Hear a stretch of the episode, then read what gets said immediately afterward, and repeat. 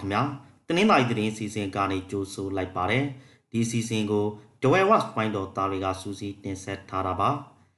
ဒီနေ့ဒီဇင်ဘာလ29ရက်နေ့မှာဖြစ်ပေါ်ခဲ့တဲ့သတင်းကြောင်းရာတွေထဲပရမဆုတင်ဆက်ပေးခြင်းတာကတော့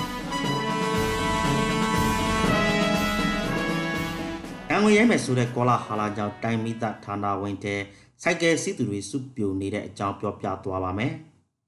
မိသားတပ်ဖွဲ့စီဆက်သွယ်ရမယ် ရေးပေါ်ဖုန်းနံပါတ်စတေကာမတတ်တဲ့ဆိုင်ကယ်တွေကိုဖမ်းဆီးတိုင်ရင်မယ်ဆိုတဲ့သတင်းတွေတဝဲမျိုးမှာကြဲကြဲပြပြထွက်ပေါ်နေပါတယ်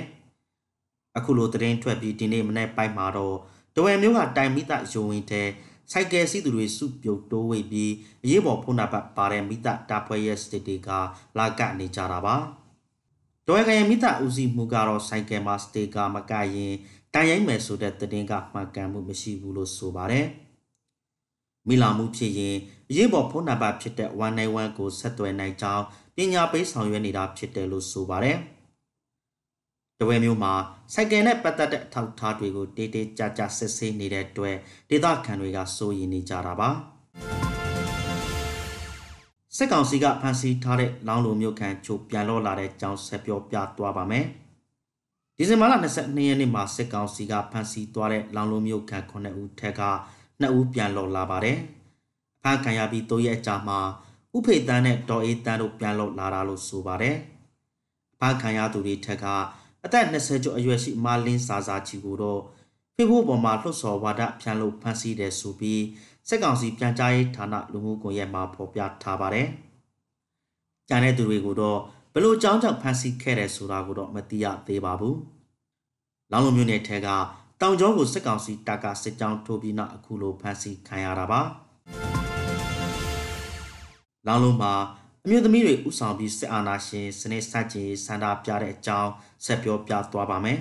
။နေ့စဉ်ရအမျိုးသမီးများတမကတဝဲကဥဆောင်ပြီးတဝဲဒေသကလောင်းလုံးမျိုးနယ်ထဲမှာစစ်အာဏာရှင်စနစ်စတင်စန္ဒပြခဲ့ကြပါတယ်။ဒီဇင်ဘာလ25ရက်နေ့ကစန္ဒပြခဲ့တာဖြစ်ပါတယ်။လောင်းလုံးမျိုးနယ်ဟာဆက်အနာရှင်စနစ်စတင်ရေးဆန္ဒ ပြလှုပ်ရှားမှုအားကောင်းတဲ့ဒေသတစ်ခုလည်းဖြစ်ပါတယ်။ထိုင်းအာဏာပိုင်တွေကအလို့သွင်းပေးမယ်လို့ကတိပေးထားတဲ့မြန်မာအလို့သမားတိုးထောင်ကျော်အလို့မရသေးတဲ့အကြောင်းဆက်ပြောပြသွားမှာပါ။ပြည်မယ်နှစ်သက်ကူမတိုင်ခင်အလို့သွင်းပေးမယ်လို့ထိုင်းအာဏာပိုင်တွေကလက်မှတ်ထိုးကတိပေးထားတဲ့ဆန္ဒပြမြန်မာအလို့သမားတိုးထောင်တိုးရကျော်အလို့မရဘူးလို့သိရပါတယ်။ထိုင်းနဲ့မြန်မာပွဲစားတွေကအလို့ရှာပေးမယ်ဆိုပြီး မြန်မာလူသမား3900ကျော်စီကဘဏ်ငွေသားချီတောင်းယူထားတာပါဒီလိုငွေတောင်းပြီးလာချီကြတဲ့အထိအလုံးမရလို့အလုံးသမားတွေကအခုလ9ရက်နေ့က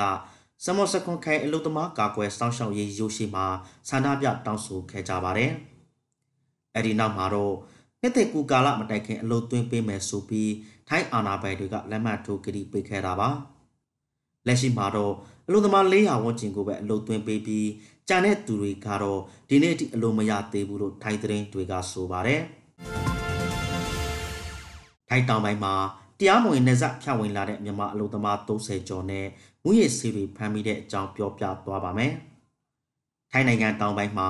တရားမဝင်နေဆက်ဖြတ်ကျော်ဝင်ရောက်လာတဲ့မြန်မာအလုံသမား35ဦးကိုမနေ့ကဖမ်းမိခဲ့ပါတယ်ဖမ်းမိသူတွေထက်ကအလုံသမားတယောက်ရဲ့ကြော်ဘိုးအိတ်ထက်မှာတော့ ဘတ်2တန်းကျော်တန်ဖိုးရှိအိုက်မူရည်စေး2ကီလိုဖမ်းမိခဲ့တယ်လို့ထိုင်းသတင်းတွေကဆိုပါတယ်။ပရာကျော့ခရိုင်ထက်ကစစ်ဆေးဂိတ်နာမှာပက်ကကားနှစ်စီးဟာလမ်းကြောင်းပြောင်းသွားလို့ရဲတပ်ဖွဲ့ကလိုက်လံစစ်ဆေးခဲ့တာပါ။ဒီလိုသွားဆဲချိန်မှာအမိုးအုပ်ထားတဲ့ပက်ကကားအနောက်ခံမှာမြန်မာအလုံသမားတွေကိုဖမ်းမိခဲ့တာလို့ဆိုပါတယ်။ဖမ်းမိတဲ့မြန်မာအလုံသမားတွေဟာတဝဲရခိုင်နဲ့မွန်ပြည်နယ်မှာနေတဲ့သူတွေဖြစ်ပြီး စူရတ်ဌာနီနဲ့မလေးရှားသွားမဲ့သူတွေဖြစ်ပါတယ်။